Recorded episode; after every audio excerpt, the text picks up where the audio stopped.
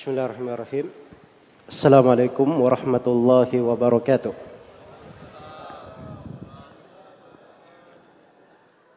إن الحمد لله نحمده ونستعينه ونستغفره ونعوذ بالله من شرور أنفسنا وسيئات أعمالنا من يهده الله فلا مضل له ومن يضلل فلا هادي له أشهد أن لا إله إلا الله وحده لا شريك له وأشهد أن محمدا عبده ورسوله.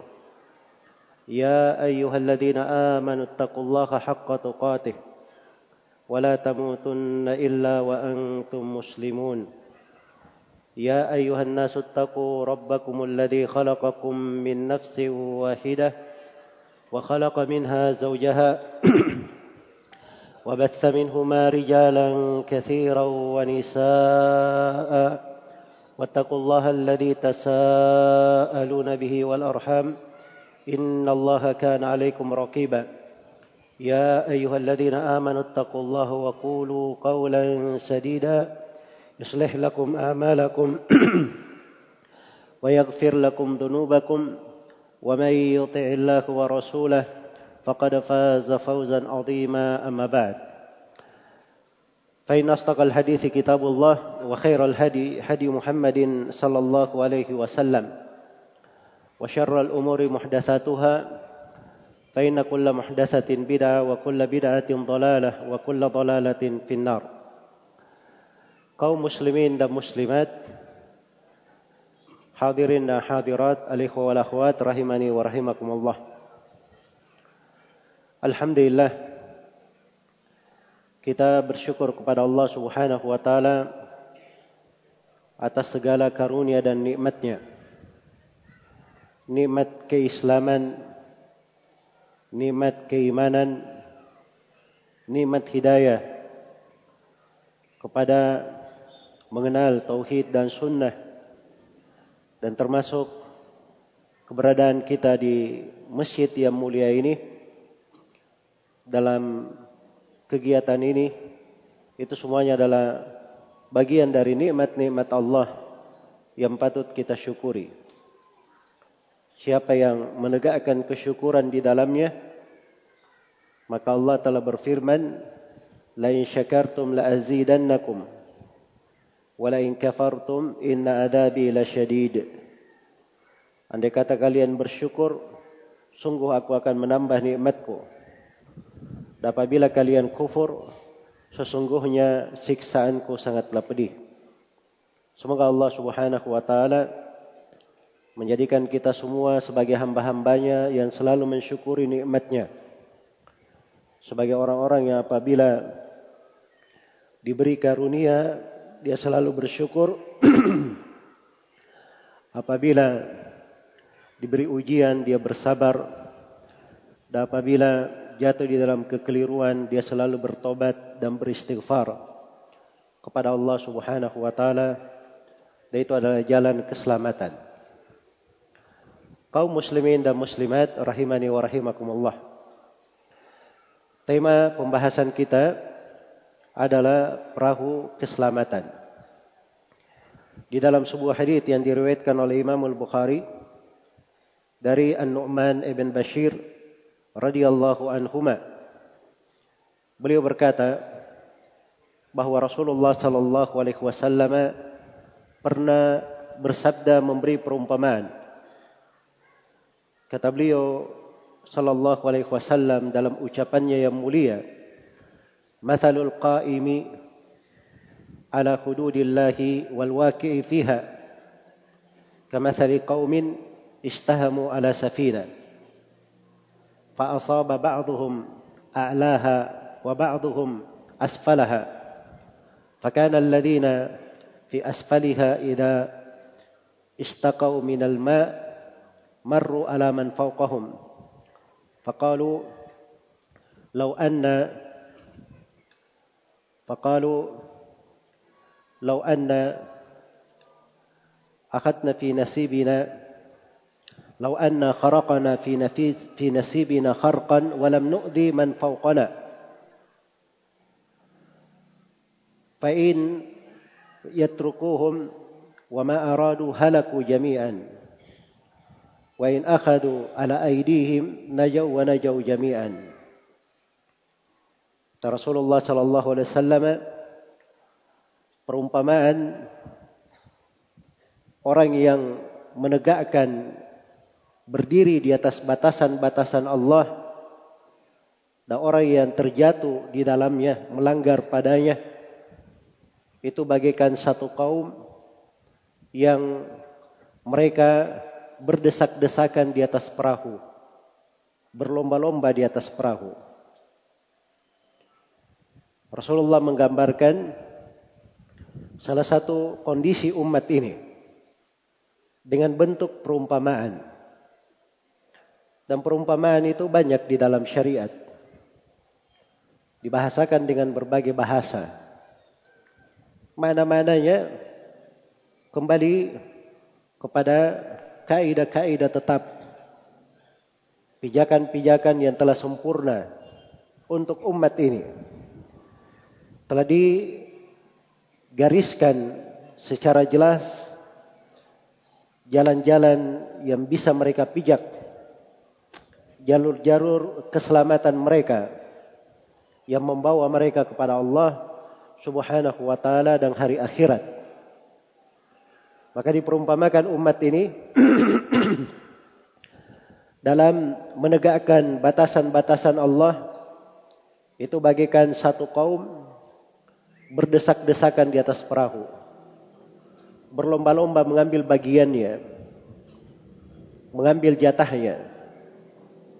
Dan ini perumpamaan yang sangat penting untuk kita renungi.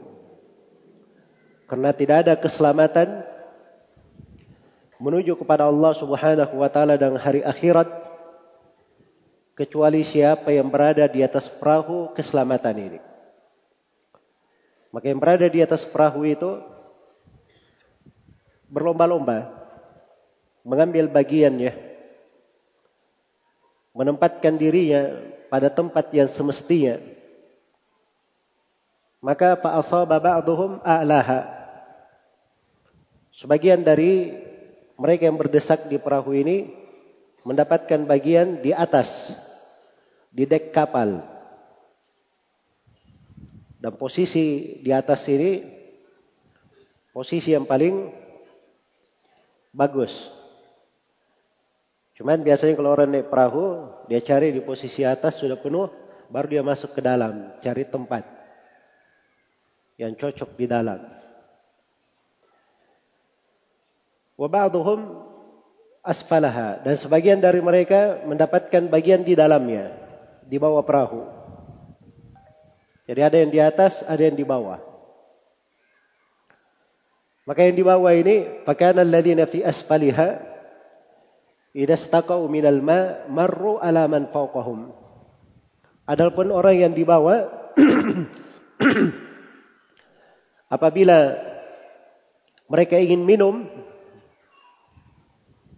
perlu air maka mereka naik ke atas melewati orang yang di atasnya.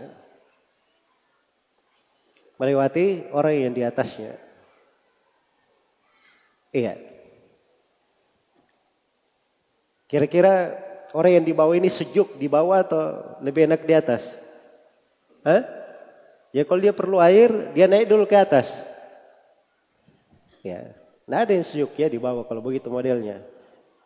Mana pun tabik-tabikin tidak enak tuh jadi rasa. Ya. Karena dia merasa apa? Mengganggu orang. Maka yang di bawah ini berkata, kalau lau anna kharaqana fi nasibina kharqan.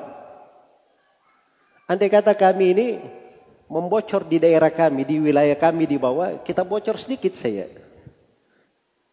Iya. Kita bocor sedikit. Apa niatnya membocor? Baik atau buruk? Niatnya baik. Dia sebutkan, walam nu'di man fauqana supaya kita tidak mengganggu orang yang di atas kami. Iya. Ya niatnya bagus. Daripada kita sering naik ke atas, kita ganggu orang. Ya, lewat-lewat sedikit-sedikit tabe. Eh? Sudah kita bocor aja sedikit di sini. Supaya kita tidak ganggu di mana? Di atas. Iya.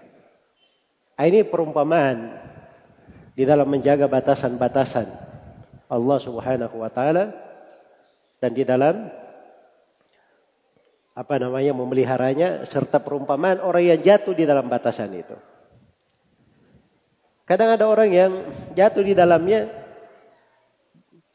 niatnya baik sekalipun dia bisa membahayakan. Bisa membahayakan. Karena itu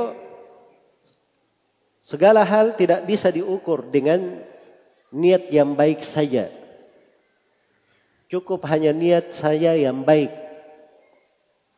Tidak bisa seperti itu. Harus diukur dengan amalan yang bagus, kesesuaian. Dia jangan pikir dirinya saja. Pikir juga orang lain. Makanya kata Nabi Shallallahu Alaihi Wasallam di kelanjutan hadis, "Fayyatrukuhum wa ma aradu halaku jami'an." Kalau mereka meninggalkan saudara-saudaranya ini membocor di situ dan dia biarkan kemauan mereka, maka semuanya akan binasa. Betul atau tidak? Iya, bocor nih. Semua akan tenggelam. Kan begitu? Kalau seorang membocornya, semuanya akan tenggelam. Yang tenggelam bukan yang membocor saja. Yang di atas juga ikut apa? Ikut tenggelam. Wa in akhadhu ala aidihim najau wa najau jami'an. Kalau mereka mengambil tangan-tangan saudaranya, dia tahan, dia larang dari hal tersebut, maka mereka akan selamat dan semuanya akan selamat. Semuanya ikut selamat. Ini perumpamaan umat ini di dalam sebuah perahu keselamatan. Dalam sebuah perahu keselamatan. Dan ini perumpamaan yang indah. Perlu kita renungi. Apa arti sebuah perahu keselamatan itu? Dan bagaimana Jangan sampai perahu ini tenggelam. Jangan sampai perahu tersebut tenggelam. Dan bagaimana seorang itu bisa naik di atas perahu tersebut? Iya. Itulah jalan-jalan keselamatan diterangkan di dalam syariat. Ini perumpamaan dari Nabi Shallallahu Alaihi Wasallam menjelaskan tentang al-qaim ala hududillah. Orang yang berdiri menjaga batasan-batasan Allah. Iya. Hududullah. Batasan-batasan. Batasan-batasan itu itu namanya wilayah-wilayah. Kalau dalam Al-Quran dua bahasanya. Ada yang dikatakan tilka hududullah fala taqrabuha.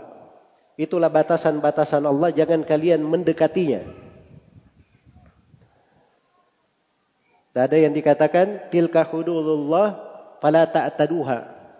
Itu batasan-batasan Allah jangan kalian melewatinya. Jangan kalian melewatinya. Jadi kalau dia dari luar jangan lewat jangan dekat-dekat ke batasan itu. Ya, jelas ya? Ada halal, ada haram, ada batasan. Syubhat-syubhat antara keduanya. Nah, ini jangan dia dekat-dekat.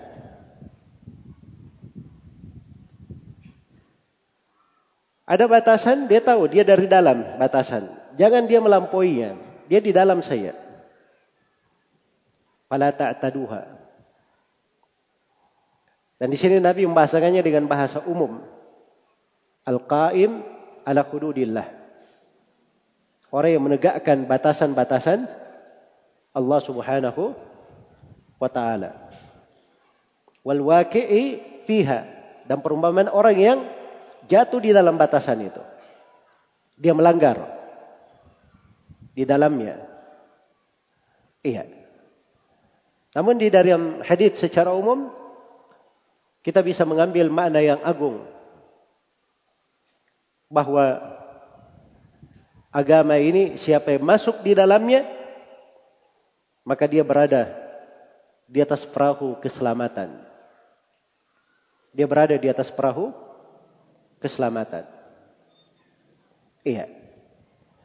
Karena itu berpegang dengan agama yang benar, maka dia berada di atas perahu keselamatan tersebut. Dan perahu keselamatan itu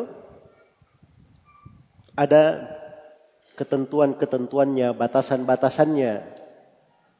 Bagaimana seseorang dianggap naik di atas perahu keselamatan dan bagaimana dia menjaga dirinya tetap di atas perahu keselamatan dan bagaimana agar perahunya tidak tenggelam.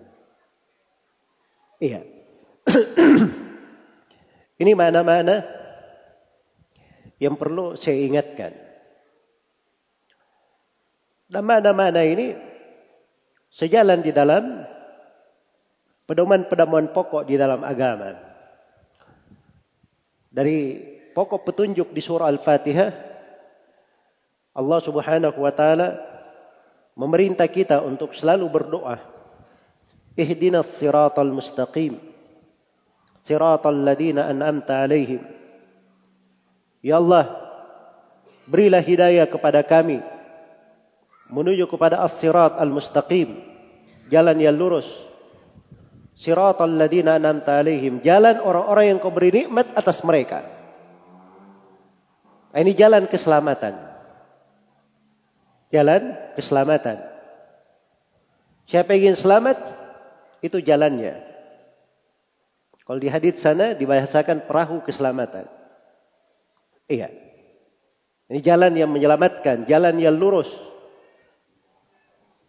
Kelurusan jalannya di dunia ini di atas jalannya para nabi dan para rasul di atas tuntunan dan syariat sekadar kelurusan jalannya di dunia, Allah akan memudahkan dan meluruskan jalannya di akhirat menuju kepada sorga.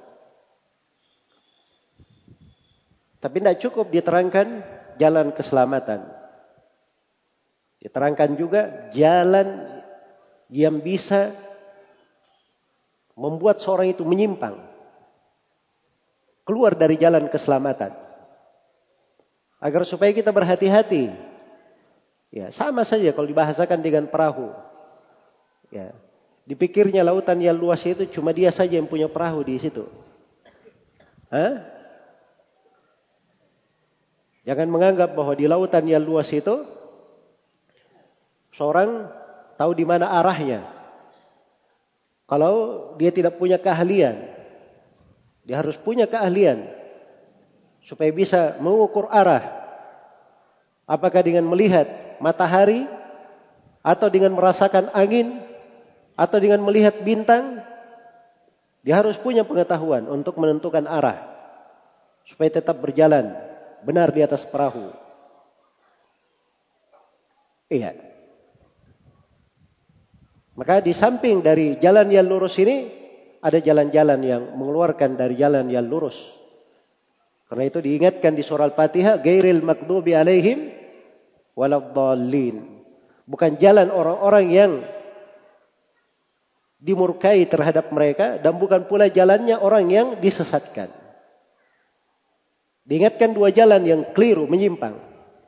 Jalan orang yang dimurkai, nah ini di penafsiran sejumlah ahli tafsir, artinya jalannya orang-orang Yahudi. Dan orang-orang yang disesatkan, yaitu jalannya orang-orang Nasara. Iya. Maka siapa yang ingin memperoleh keselamatannya, selalu dia berada di atas jalan yang lurus, maka hendaknya dia memposisikan dirinya di tempat yang benar. Dia selalu berada di atas jalan keselamatan yang dicintai dan diridhai oleh Allah. Mengantar kepada Allah dan hari akhirat. Iya. Itulah keselamatan.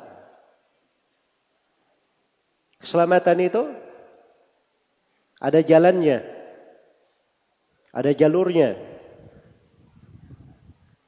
Selamat itu jangan dengan kemauan sendiri. Oh saya pengen selamat. Bagaimana caranya? Ya nantilah kita jalan saja. Nanti di tengah jalan kita dapat hidayah. Hah? Ada lagi yang lain, oh saya mau selamat. Bagaimana selamat? Yang penting kita semangat saja. Semangat. Iya. Kita semangat untuk apa namanya? beribadah, semangat beramal. Ada lagi jalan keselamatan. Bagaimana jalan keselamatan itu? Ya. Kita jalan-jalan saja. Ya. Di mana angin mengarahkan kita, kita berarah ke sana. Nah seperti itu jalan keselamatan. Jelas ya? Jalan keselamatan itu perkara yang jelas. Hal yang sudah pasti di dalam agama. Petunjuk yang terang. Petunjuk yang terang. Tarjun najata walam tasluk masalikaha inna safinata la tajri ala yabasi. Kamu menghendaki keselamatan tapi tidak menempuh jalan-jalannya, perahu itu tidak akan berjalan di atas daratan. Ya, ini banyak perahu pinisi di sini.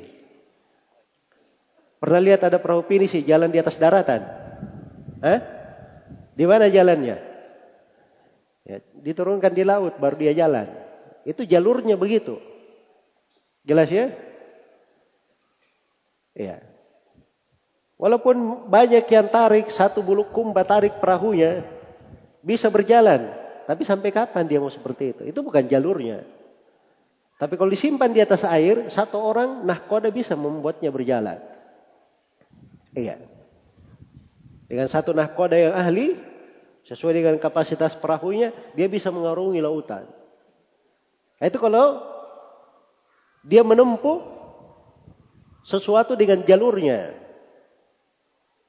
Dia menempuh sesuatu dengan apa? Dengan jalurnya. Maka segala sesuatu itu ditempuh dengan jalurnya. Demikian pula jalan keselamatan itu. Baik. Di hadis yang saya bacakan tadi, itu ada satu pokok pembahasan di jalan keselamatan terkait dengan amar ma'ruf nahi mungkar dan berdakwah di jalan Allah. Iya. Dan di kesempatan ini saya ingin mengingatkan jalan-jalan keselamatan dalam bentuk yang lengkapnya. Karena jalan keselamatan ini kadang dibahasakan di dalam Al-Quran dengan bahasa yang lain. Cuman kadang kita kurang mencermatinya. Semuanya hafal surah Wal Asri. Ya. Coba tiga ayat. Wal asri innal insana lafi khusrin illa alladhina amanu wa amilus salihat wa tawasaw bil haqqi wa tawasaw bis sabr.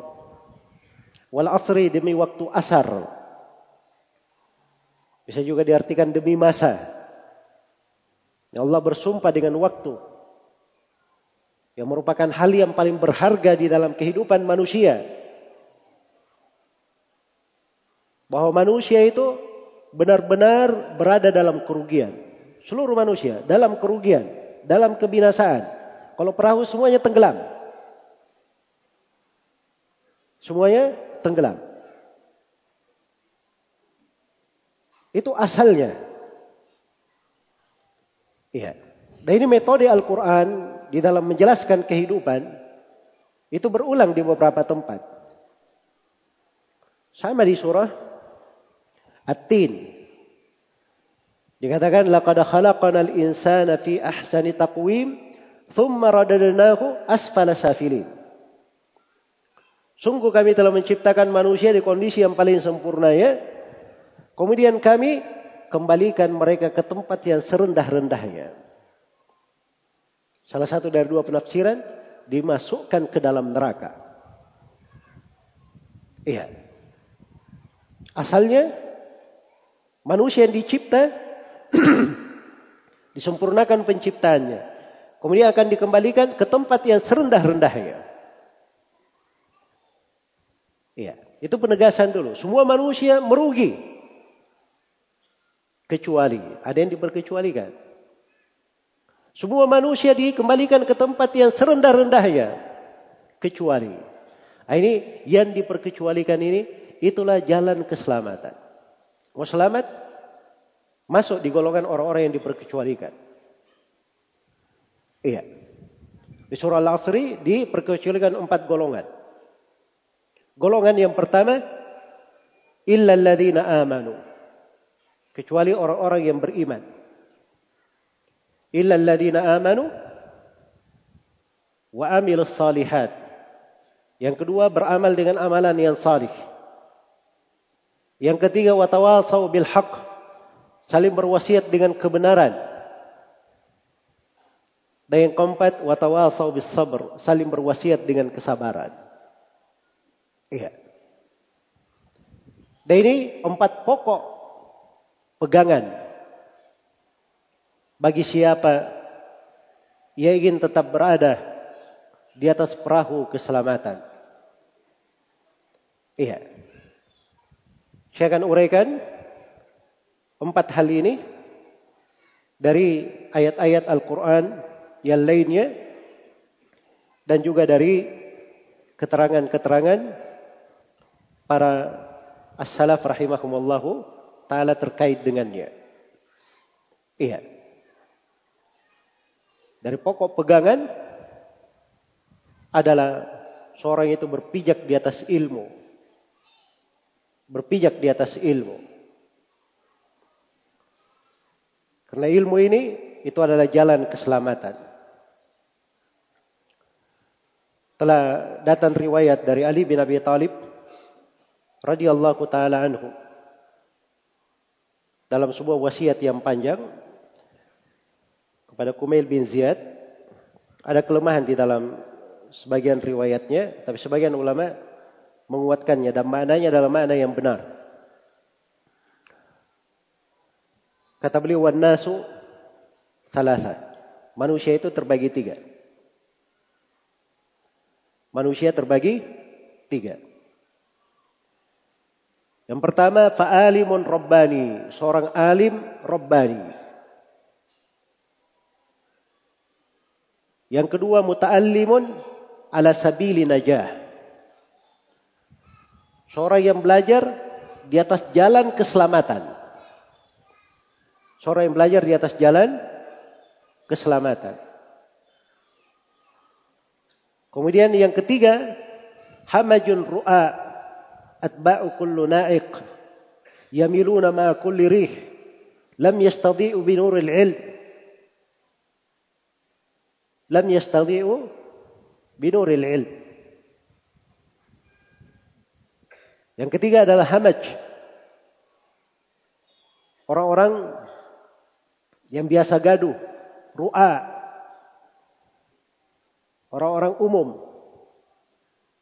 atba'u kullu na'iq, yang hanya mengikuti siapa yang berteriak. Mereka yamiluna ma kulli rih, condong bersama setiap angin yang datang. Iya. La yastadi'u lam yastadi'u binuril ilm mereka tidak mengambil cahaya dengan cahaya ilmu. Nah, ini tiga golongan disebut oleh Ali bin Abi Thalib. Iya. Golongan yang pertama adalah alimun rabbani, seorang alim rabbani. Alim rabbani itu adalah seorang alim yang memiliki ilmu, beramal dengan ilmunya, dan dia mendidik manusia di atas ilmu tersebut. Itu yang disebut dengan Rabbani. Iya. Walakin kunu rabbaniyina bima kuntum tuallimuna alkitab wa bima kuntum tadrusun. Tapi jadilah kalian sebagai orang-orang yang rabbani disebabkan karena kalian mengajarkan Alkitab dan disebabkan karena apa yang kalian pelajari. Disebutkan oleh Al-Bukhari dalam sahihnya bahwa Rabbani alladhi yurabbin nas ala sigaril ilm qabla kibarihi. Rabbani itu adalah orang yang mendidik manusia dengan ilmu yang kecil sebelum ilmu yang besar. Dia didik manusia dengan ilmu yang kecil sebelum ilmu yang besar. Itu seorang alim Rabbani. Alim itu kalau dia mengajar orang, tidak semua apa yang dia ketahui dia sampaikan kepada seluruh orang yang datang. Tapi dia sampaikan sesuai dengan kelas, kedudukan dan tingkat pemahaman orang yang dia ajari. Iya orang yang diajari. Itu yang disebut alim Rabbani. Dia berikan kepada manusia dari ilmu yang kecil sebelum ilmu yang besar. Golongan yang kedua, muta'allimun ala sabili najah. Seorang yang belajar di atas jalan keselamatan. Maksudnya dia belajar untuk mencari keselamatan bagi dirinya. Iya. Memang dia ingin selamat. Dan keselamatannya di sini itu apabila dia belajar, dia niatkan ikhlas karena Allah dan dia belajar dia niatkan untuk mengamalkan ilmu yang dia pelajari Iya. Dan dia belajar untuk mengamalkan ilmu tersebut. Itu muta'allim ala sabili najah. Dan yang ketiga, inilah orang-orang yang tidak terdidik di atas ilmu. Hamaj. Kerjanya ribut-ribut. Iya. Bikin kegaduhan setiap kali ada yang berteriak, dia bisa ikut di belakangnya. Siapa sih yang berteriak, dia ikut ke situ. Yamilu nama kulirih. Condong bersama setiap angin. Nah ini golongan yang ketiga. Dan seorang bisa mengukur dirinya. Bisa mengukur dirinya. Di mana dia dari tiga golongan ini. Iya. Kalau dia tidak bisa mengukur dirinya, dia kira-kira di mana diri saya. Jelas ya? Iya. Jadi kalau ada yang kerja aja musiman, ya sekarang ini musim perkembangan teknologi ya, HP apa segala macam. Lihat aja kalau dia di golongan ketiga, nah itu biasanya dia ikut setiap yang viral. Apa yang viral dia di situ. Ya. Belajar ustadz viral saja. Yang mana yang biasa kelihatan wajahnya di internet, nah ini kita ikuti. Itu tidak begitu cara orang belajar. Dan setiap orang yang berteriak, kita sambut teriakan itu. Orang yang kenal petunjuk, tahu jalan keselamatan, dia mengerti jalannya. Istiqamah. Iya. Beda dengan golongan yang ketiga ini. Condong bersama setiap angin yang datang. Ada angin dari arah timur, dia ikut juga ke barat. Ada hari dari barat berhembus ke timur, dia ikut ke timur. Begitu seterusnya. Iya. Tidak mengambil cahaya dengan ilmu. Tidak mengambil cahaya dengan ilmu. Padahal golongan yang pertama dan golongan yang kedua mereka ini orang-orang yang berpegang dengan cahaya. bergolongan berpegang dengan cahaya. Ya ayyuhalladzina amanu taqullah wa aminu bi rasulih yu'tikum kiflaini min rahmati wa yaghfir lakum dhunubakum wa yaj'al lakum nuran tamshuna bihi wa yaghfir lakum dhunubakum. Wahai orang-orang yang beriman,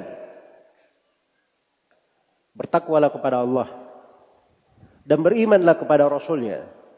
Pasti Allah akan beri kepada kalian dua bahagian dari rahmatnya. Dan Allah akan beri kepada kalian cahaya, kalian berjalan di atasnya, berjalan dengannya. Dan Allah akan ampuni dosa-dosa kalian. Ya kalau dia di atas jalan yang lurus, dia punya cahaya, dia berjalan dengannya. Manusia dalam kegelapan, dia ada petunjuk. Dia terang jalannya. Tidak ada yang dia khawatirkan. Tidak dia khawatirkan. Nah, ini Jalannya orang yang selamat. Jalannya orang yang selamat. Iya. Intinya kembali kepada ilmu. Karena ilmu itu adalah cahaya. Dan ilmu itu adalah sumber petunjuk. Dan ilmu itu adalah ruh yang membuat seorang itu hidup. Iya. Qad ja'akum minallahi nurun wa kitabun mubin telah datang kepada kalian dari Allah cahaya dan kitab yang terang. Sebut sebagai cahaya. Iya. Dan Allah Subhanahu wa taala berfirman, "Wa kadzalika auhayna ilaika ruhan min amrina." Ma kunta tadri mal kitab wal iman. Walakin ja'alnahu nuran nahdi bihi man nasha'u min ibadina. Demikianlah kami jadikan demikianlah kami wahyukan kepada engkau Nabi Muhammad ruh dari perkara kami. Agama dan syariat yang dibawa oleh Nabi Muhammad yang diwahyukan kepada beliau itu disebut sebagai ruh. Ya, tahu ruh ya? Ruh yang kita semua hanya bisa hidup dengan ruh itu. Kalau roh sudah keluar dari jasad, tidak ada lagi kehidupan.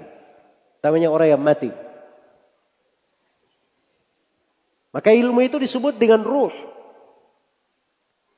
Kamu sebelumnya Nabi Muhammad tidak kenal apa itu kitab. Tidak kenal apa itu iman. Tapi kami jadikan agama ini sebagai cahaya. Disebut lagi. Cahaya kami beri hidayah kepada siapa yang kami kehendaki. Makanya nikmat yang besar. Seorang itu mengenal perahu keselamatan. Dia mengenal jalan petunjuk.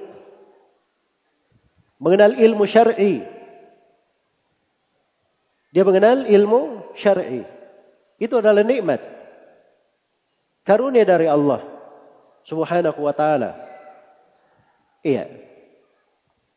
Orang yang diberi karunia tersebut dan dia istiqamah di dalamnya itu adalah karamah. Itu adalah karamah. Jelas ya? Suatu keutamaan yang Allah pilihkan untuk kita. Tanpa cahaya ini seorang jangan berpikir untuk selamat. Karena Allah Subhanahu wa taala hanya membagi manusia menjadi dua golongan. Ada golongan manusia dia hidup dengan kehidupan yang sebenarnya benar-benar hidup.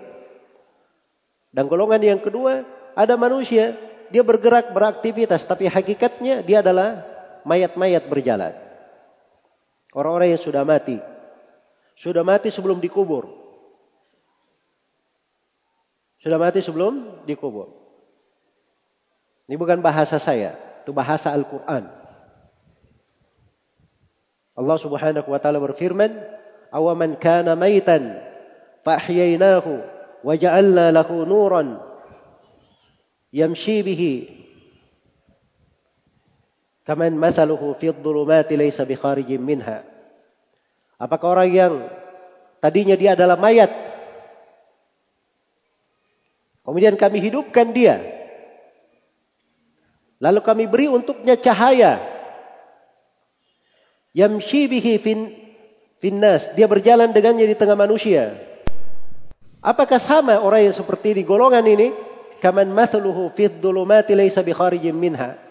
Seperti orang yang perumpamannya di dalam kegelapan, dia mayat dalam kegelapan, tidak mau keluar darinya. Sudah mayat dalam kegelapan tidak mau keluar lagi. Iya. Ini kita harus ukur kita ini berada di mana. Cuma dua golongan. Jangan berpikir ada golongan yang ketiga. Bahasa-bahasa Al-Quran itu selalu membahasakan seperti itu. Iya. Dua golongan. Apa may ya'lamu annama unzila ilaika min rabbikal haqq kaman huwa a'ma? Apakah orang yang tahu dia punya ilmu bahwa apa yang diturunkan kepada engkau Nabi Muhammad itu adalah kebenaran? Apakah golongan yang seperti ini sama dengan orang yang buta? Itu golongan yang kedua, namanya orang yang buta. Itu bahasa lain. Dia orang yang punya ilmu, melihat, atau orang yang buta. Itu bahasa lain dalam Al-Quran. Bahasa lainnya, "Failam yastajibu laka fa'alam annama yattabi'una ahwa'ahum." Kalau mereka tidak menjawab seruan engkau ya Nabi Muhammad, ketahuilah bahwa mereka itu hanya mengikuti hawa nafsunya. Hanya dua golongan, ikut kepada Nabi atau mengikuti hawa nafsu. Iya. ثم جعلناك على شريعة من الأمر فاتبعها ولا تتبع أهواء الذين لا يعلمون. Kemudian kami jadikan engkau Nabi Muhammad di atas syariat dari perkara. Ikuti syariat itu. Dan jangan ikuti hawa nafsu orang-orang yang tidak mengetahui. Iya. Itu kehidupan. Kehidupan ini maju ke depan atau mundur ke belakang. Tidak ada dikatakan dalam kehidupan dia jalan di tempat, tidak. Ya, itu bahasa-bahasa kehidupan ya, tapi hakikatnya dia tidak jalan. Hidup ini selalu dihisap. Hisap pada posisi kita maju, hisap atau dihitung posisi kita mundur. Liman sya'a minkum ayyataqaddama aw yata'akhkhar. Bagi siapa di antara kalian yang ingin maju atau dia mundur. Tidak ada bahasa yang lain dalam Al-Quran. Cuma dua golongan. Iya. Dalam hadis Abu Malik al-Ash'ari, riwayat Muslim, Rasulullah sallallahu alaihi wasallam bersabda, "Kullu nasi yaghdu, faba'i'un nafsahu famu'tikuha aw mubikuha." Setiap manusia itu berusaha. Maka dengan usahanya ada yang membebaskan dirinya dari api neraka dan ada yang justru menghancurkan dirinya di dalam api neraka. Cuma ada dua golongan. Iya. Sebagaimana di hari kiamat, fariqum fil jannati wa fariqum fis sa'ir. Satu golongan berada di dalam sorga dan satu golongan berada di dalam neraka. Faminhum syaqiyun wa minhum sa'id. Di antara mereka ada yang merugi dan di antara mereka ada yang beruntung. Iya. Ini jalan yang dihamparkan. Petunjuk sudah jelas. Siapa yang menyimpang dari jalan, itu artinya berasal dari keteledoran dirinya sendiri. Karena Allah telah mengutus kepada kita seorang Rasul yang menjadi rahmat untuk semesta alam telah menurunkan kepada kita sebuah kitab yang di dalamnya terdapat segala hal yang kita perlukan. Ya, tibyanan likulli syai, penjelas segala sesuatu. Awalam yakfihim anna anzalna ilaikal kitaba yutla alaihim.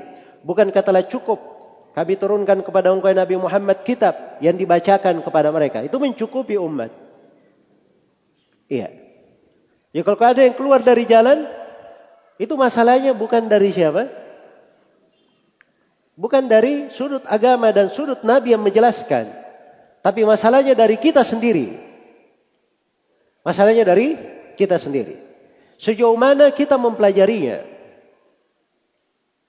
Itu jalan keselamatan. Harus belajar ilmu. Iya. Sebab dengan apa yang dipelajari, sekadar itulah yang membuat baik kehidupannya di dunia. Sekadar apa yang dia pelajari dan dia amalkan, maka itu berpengaruh ketika sakaratul maut mendatangi dirinya.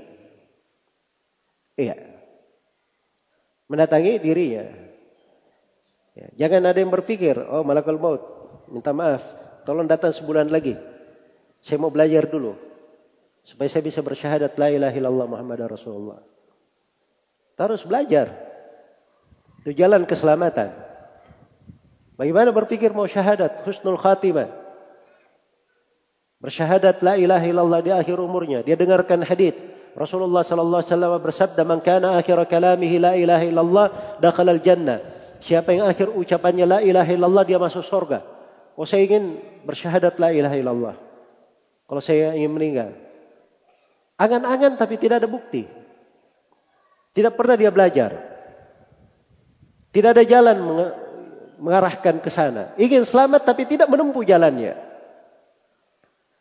Harus belajar dulu. Itu kunci awal. Dia pelajari. Apa makna la ilaha illallah? Jangan berpikir di alam kubur ketika mungkar dan nakir datang bertanya, Marrabbuka, siapa Rob yang kamu ibadahi? Man hadzal ursila ilaik? Siapa nabi yang diutus kepadamu? Madinuka, apa agamamu? Oh jangan berkata ini pelajaran ATK, dari kecil saya sudah hafal. Ya. Nabi Shallallahu Alaihi Wasallam ceritakan ada orang yang ditanya tiga pertanyaan itu dia menjawab apa? Ha ha la adri. Sami'tu an-nasa yaquluna syai'an fakultuhu. Dia berkata, ha ha saya tidak tahu. Saya hanya mendengar manusia berucap sesuatu, maka saya ikut-ikutan mengucapkannya. Ikut-ikutan tidak akan bermanfaat. Iya. Tidak akan bermanfaat. Seorang itu menjawab sekadar apa yang dia imani, apa yang dia amalkan di kehidupan dunia ya. Maka mempelajari ilmu itu adalah sumber keselamatan. Pokok bagi siapa yang ingin belajar, siapa yang ingin selamat, itu perahu keselamatan. Ilmu agama itu. Iya. Di tengah berbagai ombak yang tinggi, berbagai syubhat-syubhat dan fitnah-fitnah yang berbenturan dengan dahsyatnya, kadang bisa menenggelamkan seseorang di dalamnya. Menyesatkannya dari jalan. Tapi kalau dia punya ilmu, iya, punya ilmu, maka dengan ilmu agama yang dia miliki tersebut, itu adalah peluangnya untuk selamat. Kesempatannya untuk selamat. Iya. Maka ini jalan pokok yang harus kita ketahui. Dibangun di atas ini, dibangun di atas ilmu itulah. Ilmu yang benar, seorang dikatakan beriman dan seorang dikatakan bertauhid. Keimanan dan tauhid itu adalah jalan keselamatan. Iya. Di dalam Al-Quran, di surah Ghafir, surah ke-40, disebut juga dengan nama surah Al-Mu'min, disebutkan kisah seorang lelaki yang beriman dari keluarga Fir'aun. Dia beriman tapi dia sembunyikan keimanannya. Iya. Dia sembunyikan keimanannya. Maka diabadikan dalam Al-Quran ucapan orang ini mengajak kaumnya. يا قوم ويا قوم ما لي أدعوكم إلى النجاة وتدعونني إلى النار. تدعونني لأكفر بالله وأشرك به ما ليس لي به ما ليس لي به علم وأنا أدعوكم إلى العزيز الغفار. لا جرم أن ما تدعونني إليه ليس له دعوة في الدنيا ولا في الآخرة وأن مردنا إلى الله وأن المسرفين هم أصحاب النار. Fasatadkuruna ma aqulu lakum wa ufawwidu amri ila Allah. Innallaha basirun bil ibad. Itu di antara penggalan kisahnya. Dia berkata, wahai kaumku, kenapa saya mengajak kalian kepada keselamatan? Tapi kalian justru mengajak saya kepada kebinasaan, mengajak saya kepada neraka. Iya. Ini dua jalan berbeda. Orang ini mengatakan bahwa dirinya mengajak kepada keselamatan. Itu perahu keselamatan. Diajak manusia ke situ. Iya. Sedangkan kaumnya dianggap mereka semuanya mengajak kepada neraka. Apa ajakan kaumnya? Yang dianggap sebagai ajakan ke neraka? Kalian mengajak saya untuk kafir kepada Allah. Dan berbuat kesyirikan. Dengan hal yang saya tidak punya ilmu tentangnya. Iya. Jelas ya? Jadi orang ini dia mengajak kepada tauhid. Mengajak kepada keimanan. Adapun kaumnya sebaliknya. Mengajak kepada kekafiran. Mengajak kepada kesyirikan. Mengajak kepada kesyirikan. Kemudian dia tegaskan, wa ana ad'ukum ilal azizil ghaffar. Sedangkan saya mengajak kalian kepada Allah Al-Aziz yang maha perkasa lagi maha pengampun. Dibawakan dua nama dari Asmaul Husna.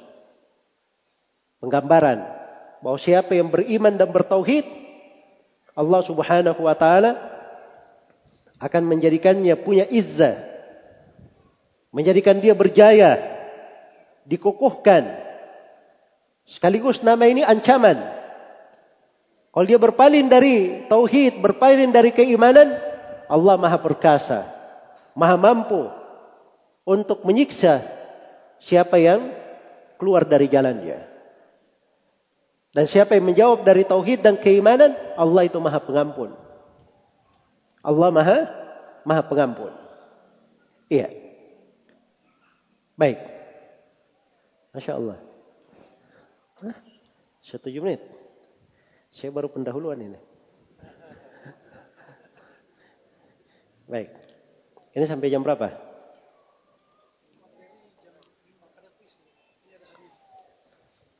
Sampai jam 5 materinya. Baik. Kalau begitu saya ringkas sedikit ya. Saya berikan poin-poinnya. Jadi ini kisah ini luar biasa kisahnya. Seorang lelaki dari keluarga Firaun tumbuh di tengah orang-orang yang kafir kepada Allah. Eh? Tapi dia beriman kepada Nabi Musa alaihi salam. Iya. Karena itu ketika Nabi Musa ingin dibunuh oleh Firaun, maka dia komentar. Wa qala rajulun mu'minun min ahli Firaun, ataqtuluna rajulan ayyakula rabbi Allah Wa qad ja'akum bil bayyinati min rabbikum. Apakah kalian membunuh seorang lelaki lantaran dia mengatakan Rob kita adalah Allah? Dan orang ini, Nabi Musa maksudnya, dia telah membawa keterangan-keterangan yang jelas dari sisi Allah. Iya, itu keimanan dia. Tapi dia mengajak kaumnya dengan mengingatkan mereka pada hal-hal yang menyadarkan mereka. Wa ya qaumi lakumul mulkul yawm. Ya. Lakumul mulkul yawma. Kemudian beliau katakan pamayan suruna min ba'sillahi in ja'ana. Wahai kaumku, bagi kalian kekuasaan di atas muka bumi hari ini. Kalian bisa menang di atasnya. Tapi siapa yang bisa menolong kita kalau datang siksaan dari Allah? Itu di antara ajakannya. Di antara ajakannya kepada kaumnya. Inni akhafu alaikum mitla yaumil ahzab. Saya khawatirkan kalian dibinasakan seperti kebinasaan umat-umat yang telah lalu. Ya, mitla da'bi qaumi Nuhin wa Adi wa Samud walladzina min ba'dihim. Seperti kebinasaan kaum Nuh, kaum Ad, kaum Samud dan orang yang datang setelahnya. Dari ajakan orang ini dia berkata wa ya qaumi inni akhafu alaikum yawmat tanad yawma tuwalluna mudbirina ma lakum min Allahi min asim wa may yudlilillahu fama lahu min had. Wahai kaumku sesungguhnya saya khawatirkan kepada kalian hari kiamat di mana manusia itu akan saling panggil memanggil. Salah satu nama hari kiamat orang saling panggil memanggil. Saking dahsyatnya dia panggil semua yang bisa dia panggil. Tapi tidak ada yang bisa menolongnya. Dan di hari kiamat itu juga dikatakan saling panggil memanggil karena ada yang dipanggil sebagai penduduk sorga, ada yang dipanggil sebagai penduduk neraka. Ada yang dipanggil diberi kitabnya dari arah kanannya, ada yang dipanggil diberi kitabnya dari arah kirinya. Iya. Kemudian beliau ingatkan juga tentang kehidupan akhirat. Ya. bahwa itulah kehidupan yang sebenarnya. Wa ya qaumi innama hadhil hayatid dunya mata wa anna annal akhirata hiya darul darul qarar. Wahai kaumku, sungguhnya kehidupan dunia ini hanyalah perhiasan dan kehidupan yang sebenarnya adalah kehidupan akhirat. Itulah kehidupan yang kekal abadi. Kita akan menetap di sana. Kemudian beliau ajak kaumnya untuk beramal dengan amalan salih. Ini semuanya seruan-seruannya yang dia bahasakan Wa ya qaumi mali ad'ukum ilan najah. Wahai kaumku, kenapa saya mengajak kalian kepada keselamatan wa tad'unani ilan nar? Sedangkan kalian mengajak saya kepada api neraka. Perhatikan, berbeda dua hal. Iya. Berbeda dua hal. Nah, semua orang yang mengajak, walaupun ajakannya bagus, retorikanya bagus, kemudian dikatakan bahwa ajakannya itu adalah ajakan yang benar. Iya. Maka ini dasar keselamatan. Pelajari baik-baik ilmu. Pelajari dari tauhid. Bagaimana seorang itu memurnikan ibadah kepada Allah dengan sebenar-benarnya, dengan semurni-murninya, tanpa ada bentuk kesyirikan apa pun. Dan pelajari apa itu iman. Pelajari cabang-cabangnya. Apa-apa yang bisa menguatkan keimanan apa-apa yang bisa melemahkannya. Ini semuanya adalah jalan keselamatan. Iya. Kemudian setelah itu ada namanya amalan.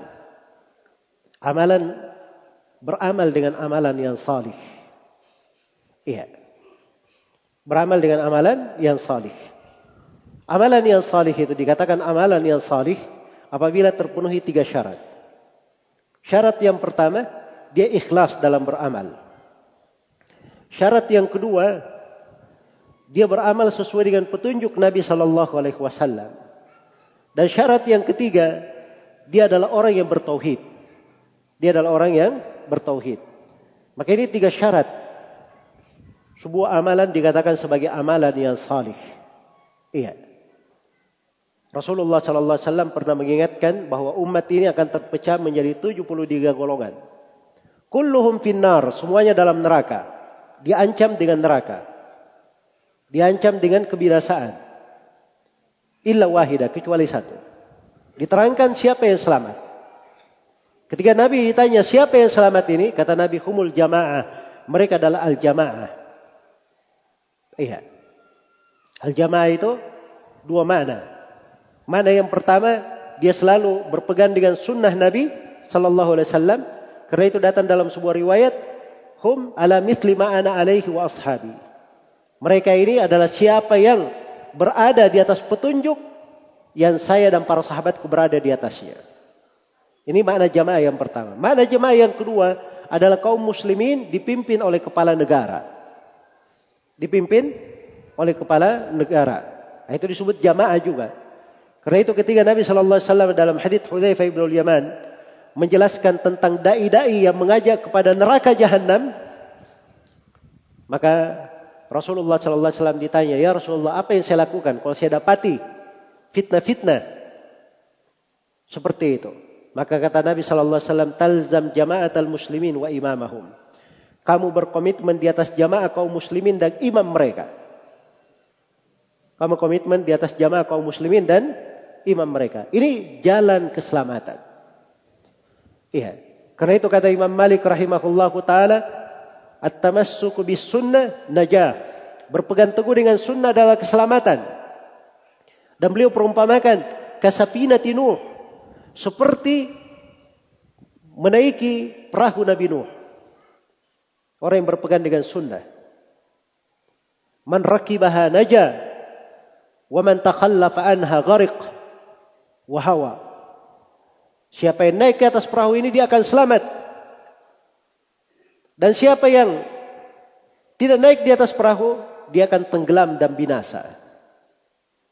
Akan tenggelam dan binasa. Itu perumpamaan dibuat oleh para ulama untuk mendekatkan perahu keselamatan. Karena itu dalam hidup ini seorang perlu berpegang dengan sunnah Nabi Sallallahu Alaihi Wasallam, menggigitnya dengan benar, mengenalnya kemudian memegangnya, mengilmuinya kemudian mengamalkannya. Apabila dia selalu kuat di atas hal ini, dia selalu berpedoman di atas ilmu kemudian mengamalkannya, maka Allah Subhanahu wa taala telah menjanjikan, "Walau annahum fa'alu ma yu'aduna bihi lakana khairan lahum wa ashadda tathbita wa idzan la'atainahum min ladunna ajran 'azima wa lahadainahum siratan mustaqima." Andai kata mereka itu melakukan apa yang mereka diwasiatkan kepadanya, mereka diperintah. Maksudnya diamalkan dengan ilmu mereka, maka itu yang terbaik untuk mereka. Disebutkan kebaikan, tidak ada batasannya. Iya. Tidak ada batasannya. Karena itu Rasulullah sallallahu alaihi wasallam bersabda, "Khairukum man ta'allama al-Qur'ana wa 'allama." Sebaik-baik kalian adalah siapa yang mempelajari Al-Qur'an dan mengajarkannya. Ini di kadar ilmu saja sudah dikatakan sebaik-baik kalian. Kalau dia amalkan, maka itu akan membuat seorang itu menjadi manusia terbaik. Wa asyadda tathbita dan beramal dengan ilmu itu itu adalah hal yang mengukuhkan kedudukan. Itu yang membuat seorang istiqamah, membuat teguh di atas petunjuk, selalu berada di atas perahu keselamatan. Dan kalau dia seperti itu, kami akan beri pahala yang besar dan kami akan beri hidayah kepada jalan yang lurus. Ditambah lagi jalan yang lurus, hidayah. Karena itu kata para ulama, man amila bima alim, allamahullahu ilma ma lam ya'lam. Barang siapa yang beramal dengan ilmu yang dia ketahui, maka Allah akan ajari dia ilmu yang sebelumnya dia tidak ketahui. Akan ditambah untuknya dari ilmu yang sebelumnya tidak dia ketahui. Maka ini dari pokok keselamatan yang harusnya dijaga dan dipelihara. Kemudian dari pokok keselamatan adalah berdakwah kepada kebaikan, mengajak kepada kebaikan. Ya mengajak kepada kebaikan. Dan itulah jalannya Nabi sallallahu alaihi wasallam. Yang Nabi diperintah, "Qul hadhihi sabili ad'u ila Allah ala basira ana man ittaba'ani wa subhanallah wa ma ana minal musyrikin." Iya. Katakanlah wahai Nabi Muhammad, ini adalah jalanku. Beliau diperintah untuk menegaskan ini jalannya. Itu jalan keselamatan. Iya. Ya Allah telah berfirman di ayat yang lain, "Wa anna hadha sirati mustaqiman fattabi'u wa la tattabi'us subul fatafarraqa bikum an sabili." Sungguhnya ini adalah jalanku yang lurus. Ikutilah jalan itu dan jangan ikuti jalan-jalan yang lain. Iya. Ya, Nabi diperintah untuk mengajak kepada jalan. Harus ada dakwah. Adu'u. Kul hadhihi sabili. Adu'u ilallah. Adu'u itu fil mudari ya. Fi'il mudhari itu salah satu maknanya memberikan faedah istimrar yang bermakna terus menerus. Sebab orang mengajak kepada kebaikan itu tidak ada batasannya. Iya. Tidak ada batasannya. Bahkan sebagian ulama ada yang mengajak kepada kebaikan sampai dia di sakratul maut pun dia masih menunjukkan orang kepada kebaikan, mengajak manusia kepada kepada kebaikan. Iya. Berdakwah. Jadi jangan ada yang berkata, oh saya pernah, pernah jadi ustadz. Saya pernah berdakwah. Nah, pernah itu kejadian yang sudah lampau. Terus kamu sekarang apa? Pensiun begitu? Ya. Nah, ini tidak benar ya. Orang berdakwah itu ada hal yang terkait dengan dirinya, terkait dengan keluarganya, terkait dengan tetangganya, kerabatnya. Wa andir asyiratakal aqrabin. Beri peringatan kepada kerabatmu yang paling dekat. Ada terkait dengan masyarakatnya. Ada tanggung jawab. Yang seluruh hal tersebut akan dipertanyakan pada hari kiamat. Iya. Dakwah kepada Allah Subhanahu wa taala. Adu'u ilallah, saya berdakwah kepada Allah. Itu diperhatikan syaratnya. Harus ada keikhlasan. Selalu dia pastikan apa yang disampaikan itu dakwah kepada Allah. Bukan dakwah kepada hawa nafsunya, bukan dakwah kepada seleranya, atau dakwah mengikuti selera orang banyak. Ya, kalau bahasa orang sekarang, dia mengajak sesuai dengan selera fansnya, followernya, atau yang semisal dengannya. Ya. Jelas ya? Tapi dia berdakwah ilallah kepada Allah. Dakwah kepada Allah itu kalau sesuai dengan jalannya itulah keberkahan. Itulah keberkahan. Suka maupun tidak suka, ada yang suka, ada yang benci, ada yang menerima dan tidak, itu hidayah dari Allah Subhanahu wa taala. Kita berusaha manusia itu dekat kepada kebenaran, sampai kepadanya kebaikan, tapi hidayah itu di tangan Allah.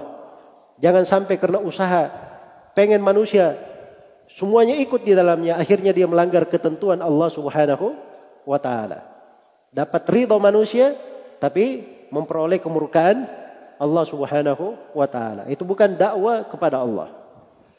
Ana wa man ittaba'ani. Aku berdakwah di atas hal itu dan orang-orang yang mengikutiku. Jadi pengikut Nabi Muhammad sallallahu alaihi wasallam yang ingin bersama beliau ini perahunya. Ini bukan sembarangan. Ingin menjadi pengikut Nabi Muhammad itu jalannya. Iya. Karena itulah Orang yang berdakwah di jalan Allah Subhanahu wa taala itu adalah orang yang paling tinggi kedudukannya. Sebab tidak ada amalan menurut kesepakatan ulama amalan yang lebih afdal dari pekerjaannya para nabi dan para rasul. Iya. Sedangkan pekerjaan para nabi dan para rasul adalah apa? Dakwah di jalan Allah Subhanahu wa taala. Maka sepanjang seorang sudah diberi anugerah oleh Allah untuk hal tersebut, hendaknya dia syukuri. Dia jaga, dia pelihara. Itu adalah pekerjaan yang paling baik yang Allah pilihkan untuk seorang hamba. Dia menjadi pewarisnya para nabi, penyambung para nabi dan para rasul. Orang yang berjalan di atas jalannya para nabi dan para rasul. Iya. Kemudian yang terakhir ada namanya amar ma'ruf nahi mungkar. Iya. Ada namanya amar ma'ruf nahi mungkar. Ini bentuk dari dakwah. Ada yang berbuat kemungkaran, kita larang. Ada hal yang baik tidak dilakukan di tengah manusia, kita mengajak manusia untuk melakukannya. Iya. Dan ini dari pintu keselamatan. Pintu keselamatan. Seperti tadi yang diberi gambaran.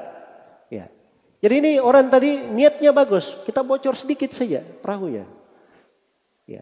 Supaya kita tidak ganggu saudara-saudara kita di atas. Niatnya baik. Ya. Kalau dia diam saja, maka semuanya akan binasa. Maka harus dia pegang tangannya. Diajak bicara. Dia sampaikan dengan lembut. Bahwa itu tidak benar. Kalau ini sudah masuk, siapa yang bisa menahannya? Masa dia 24 jam mau tutup di situ? Ya. Ini akan membuat kita tenggelam. Ya, kalau misalnya dia tidak mengerti tentang hal tersebut harus dicegah. Kadang diberi obat, diberi solusi, apa yang dengannya semuanya bisa selamat. Semuanya bisa selamat. Maka ini komponen yang penting sekali di tengah umat. Yang harus ditegakkan. Di tengah umat. Kemudian yang terakhir dari jalan keselamatan adalah kesabaran. Watawasau bis sabar. Saling berwasiat dengan apa? Dengan kesabaran. Iya. Sabar itu selalu akibatnya indah. Karena Nabi Shallallahu Alaihi Wasallam bersabda, "Wa ma yatasabbar, yusabbirhu Allah. Wa ma u'tiya ahadun ata'an khairan wa awsa'a min as-sabr." Barang siapa yang berusaha bersabar, Allah akan menjadikannya sebagai orang yang bersabar. Dan tidaklah seorang itu diberi pemberian yang lebih baik dan lebih luas daripada kesabaran. Itu Abu Sa'id Al-Khudri, riwayat Bukhari dan Muslim. Iya. Maka kesabaran ini adalah sumber keselamatan Seorang perlu sabar dalam belajar. Perlu sabar di dalam mentauhidkan Allah, meninggalkan kesyirikan. Dia perlu sabar di dalam keimanannya, sabar menghindari fitnah-fitnah, sabar di dalam beramal. Kadang seorang beramal itu merasa berat, tapi demikian. Kadang di jalan keselamatan ada hal yang tidak menyenangkan. Diriwayatkan oleh Imam Muslim bahwa Rasulullah sallallahu alaihi wasallam bersabda, "Huffatil jannatu bil makari wa huffatin naru bisyahwat." Sorga itu diitari dengan hal-hal yang tidak menyenangkan. Sedangkan neraka diitari dengan hal-hal yang orang itu penuh syahwat. Berselera melakukannya. Mau sorga? Waktu tidur dia putus tidurnya pergi sholat. Berjamaah. Mau sorga? Dia hanya makan dari hal yang halal. Iya. Jelas ya? Dia perlu sabar. Perlu sabar. Tapi kalau neraka gampang, semuanya bersyahwat. Ya. Menarik, untuk dilakukan. Maka harus ada kesabaran dalam kehidupan dunia ini. Dunia ini adalah sementara. Kita semua berada di dunia ini hanya saat-saat saja. Ada suatu masa kita semua pasti akan dijemput oleh ajal. Yaitu ketentuan dari Allah Subhanahu wa taala atas setiap insan di atas muka bumi ini. Maka hendaknya seorang paling tidak dia mengerti jalan keselamatannya. Dia belajar apa yang dengannya bisa mengangkat kewajibannya, membuatnya diridhoi oleh Allah Subhanahu wa taala. Dia mengetahui dan mengamalkan apa yang dengannya dia itu benar sebagai seorang muslim yang sejati. Kalau dia sudah masuk dalam lingkup keislaman dengan benar, maka pasti dijamin masuk surga. Walaupun dia beramal dengan dosa apa pun selain daripada kesyirikan, maka pasti dia akan masuk ke dalam sorga. Walaupun dia dimasukkan ke neraka sebelumnya, dia akan dikeluarkan dan akan dimasukkan ke dalam sorga. Dan itu pokoknya adalah seorang istiqamah di atas jalan, di atas ilmu, di atas amalan. Kemudian bagaimana dia selalu teguh di atas perahu keselamatan tersebut.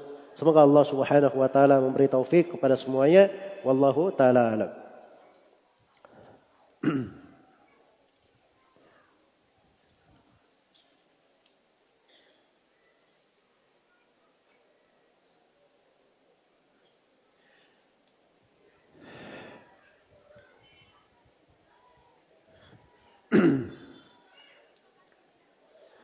Saya mempunyai orang tua yang sudah tua, sakit dan sudah pikun. Waktu bulan puasa beliau sudah tidak puasa. Pertanyaannya, apakah beliau sudah tidak dibebani lagi kewajiban dikarenakan sudah pikun? Ataukah anaknya wajib membayarkan fidyah untuk orang tuanya?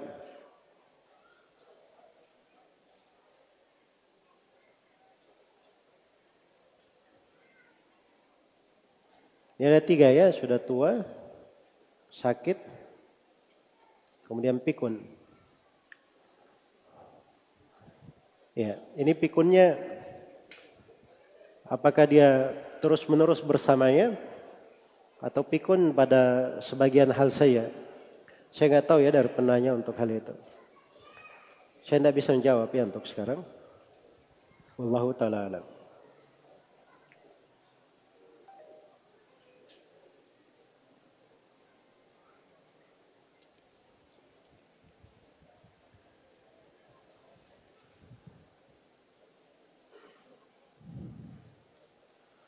Tolong berikan tips mudah dalam menghafal Al-Quran. Dan motivasi supaya kita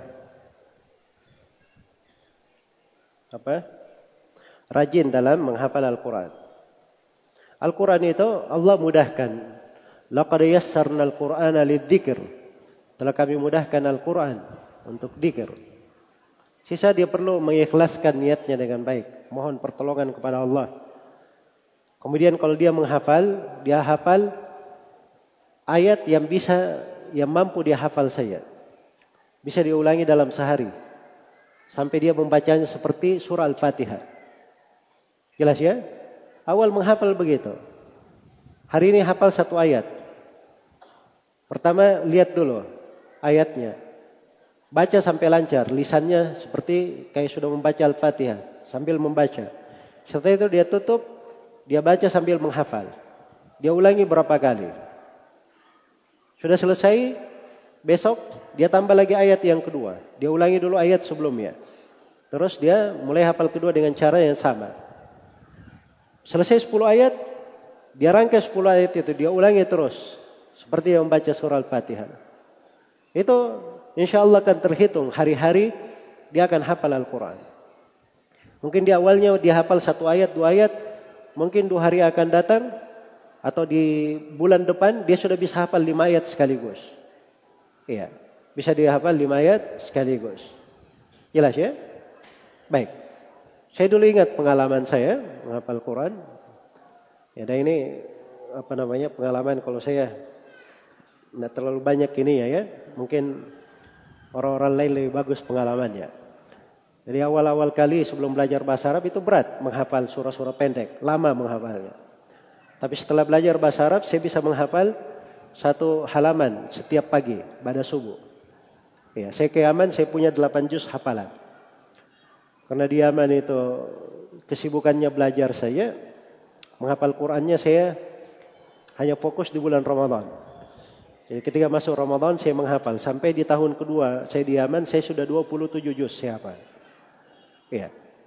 Kemudian di tahun yang ketiga, saya menghafal lagi di bulan Ramadan, itu saya hafal satu juz satu hari. Satu juz satu hari. Kenapa? Karena sudah ada pengalaman sebelumnya.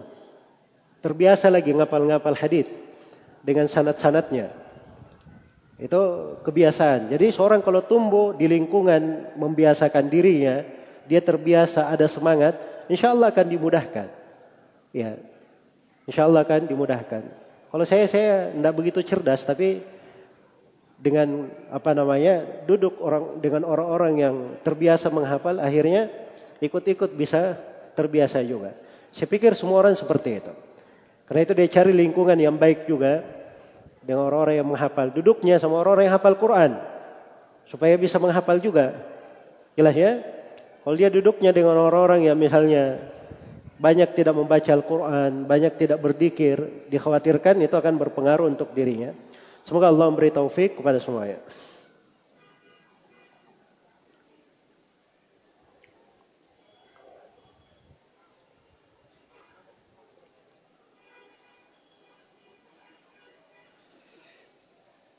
Saya sekarang merasa futur. Beda sekali waktu pertama kali hijrah. Dan saya selalu merasa manisnya iman. Tapi sekarang sering berjalannya waktu, keimanan tersebut hilang. Ya, bagaimana solusinya? Yang pertama sepanjang yang bertanya ini masih hadir di sini, itu adalah kebaikan yang Allah masih berikan untuknya.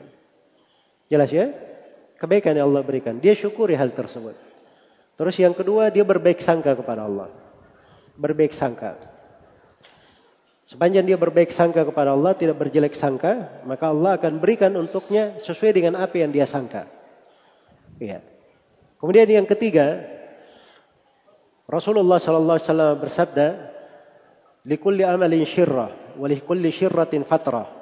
Wa man kanat fatratuhu ila sunnati faqad ihtada, wa man kanat ila ghairi dzalika faqad halak."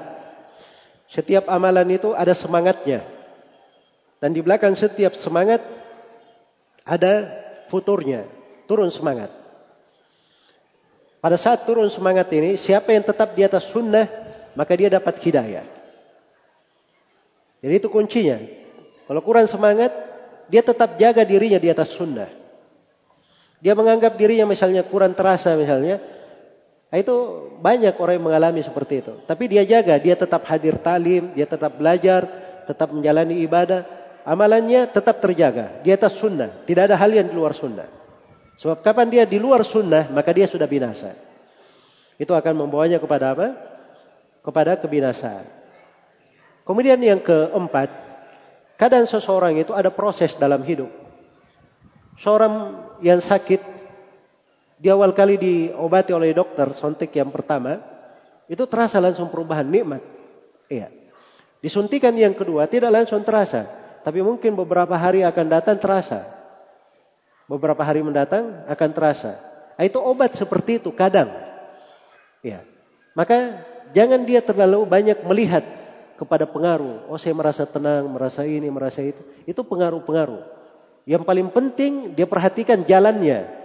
Kalau jalannya sesuai dengan sunnah, jalannya istiqamah di atas agama, dia tidak perlu perhatikan. Adanya gunda gulana di hati, itu kadang bisa menjadi penggugur dosa-dosa dan kesalahan bagi seorang hamba kalau dia bersabar. Mungkin saja Allah berikan perasaan seperti itu pada dirinya, Allah bukakan untuknya lahan kebaikan dari area yang tidak dia sangka. Kalau dia sabar terhadap gunda gulana atau hal yang tidak dia merasa tidak tenang dengannya, dia bersabar dengan hal tersebut, dia tetap melakukan ibadah, maka mungkin Allah Subhanahu wa taala suatu saat akan memberikan untuknya hal yang lebih baik daripada itu. Jangankan kita, sebagian dari as-salaf berkata, saya melawan jiwaku selama 20 tahun. Saya didik Ya, untuk dia tunduk. Setelah itu baru dia bisa saya atur. Ini 20 tahun dia berupaya untuk mengatur jiwanya, ahli ibadah. Sedangkan kita taklimnya cuma sekali sepekan, ha? atau sekali sebulan, itu pun kalau ada kesadaran untuk datang. Tapi kalau seorang punya sketsa hidup yang bagus, dia sudah mengatur ya hidupnya dalam sehari dia harus belajar satu jam misalnya, atau dalam sehari dia harus baca Al-Quran dua jam, dia atur kehidupannya berjalan, maka itu jalan istiqamah. Itu perahu keselamatan untuk seorang hamba. Semoga Allah memberi taufik kepada semuanya.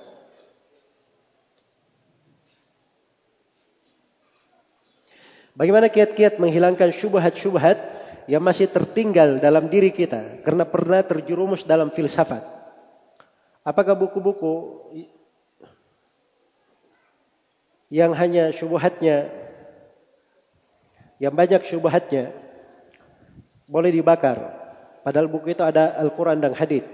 Ya kalau buku ada syubhatnya, buku-buku itu dibakar. Bukan karena ada ayatnya, tapi karena buku-buku itu bercampur dengan hal-hal yang apa?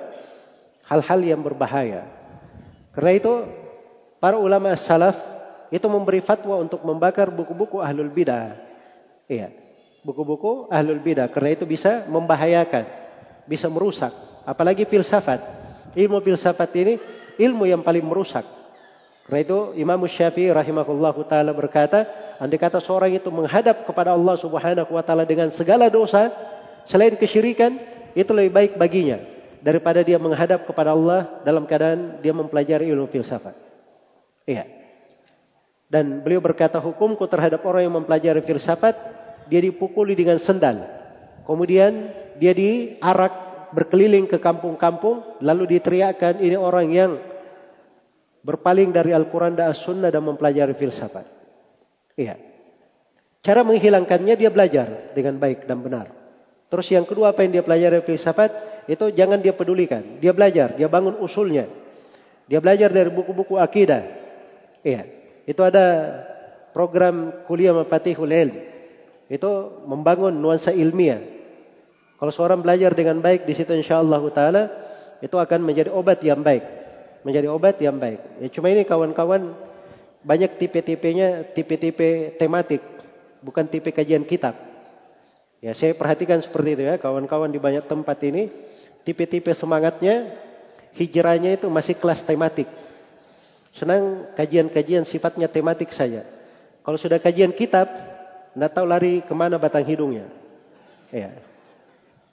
Nah ini nggak bagus ya dalam belajar. Orang kalau mau belajar itu yang benarnya diselesaikan per kitab. Selesai kitab ini, selesai kitab ini, selesai kitab ini. Nah itu baru bagus. Ya, itu akan terasa nanti pada dirinya. Rasakan nanti bedanya. Jelas ya? Rasakan bedanya. Baik.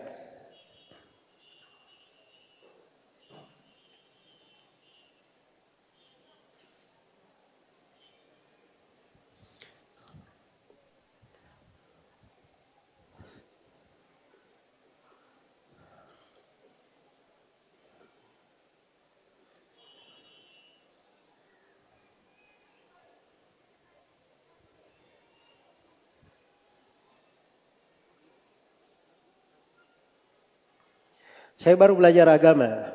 Namun sampai titik pertanyaan mana yang harus saya ikuti. Disebabkan dengan banyaknya kelompok saat ini.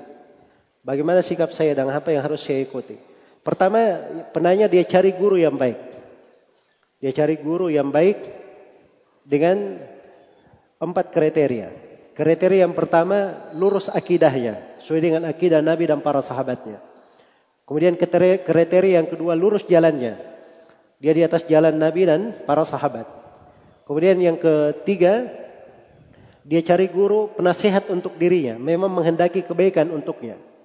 Kemudian yang keempat, dia cari guru ahli di bidangnya. Dia cari guru ahli di bidangnya. Ya, dan sekarang ini banyak guru.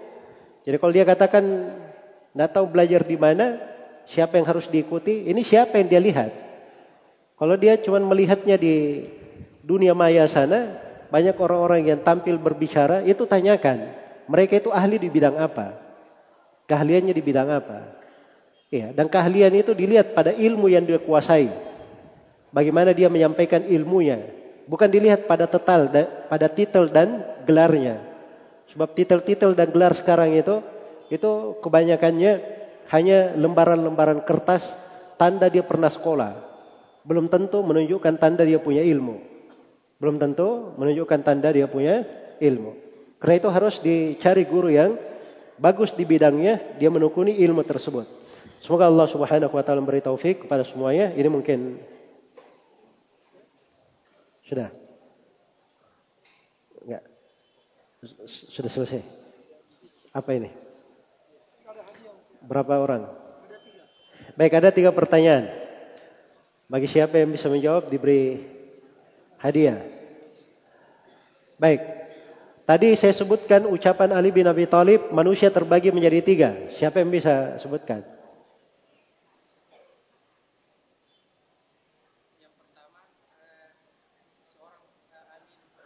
Pertama alim Rabbani. Seorang yang belajar, belajar di atas jalan keselamatan. Orang-orang awam, pengikut segala. Baik, di Fadal, saya khair. Tolong diberikan. Baik, pertanyaan yang kedua. Tadi saya bacakan satu hadis di awal pertemuan. Kalau saya minta siapa yang hafal haditnya, ya khawatir nggak ada yang bisa jawab ya.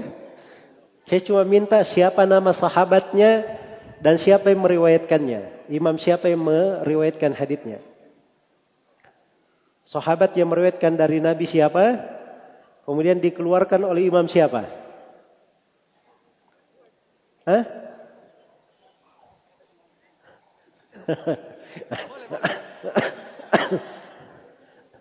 Hah? Boleh? ya silakan. Enggak, bukan Imam Ahmad.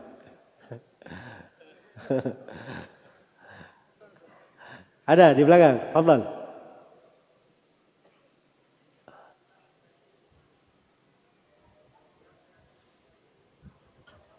Ya baik. Numan Bashir riwayat Al-Bukhari. Sekallah ya. Di riwayat Al-Bukhari. Baik, pertanyaan yang terakhir. Kesimpulan di pembahasan perahu keselamatan itu sebenarnya bisa dibahasakan dengan bahasa yang lain berada di dalam sebuah surah. Berada di dalam sebuah surah. Apa nama surahnya dan dibaca apa isinya? Silakan.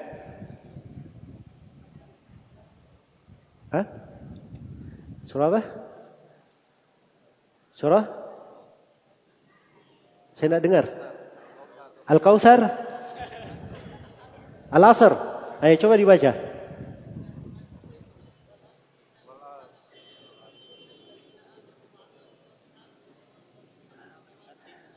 Masya Allah. Ya, sudah benar.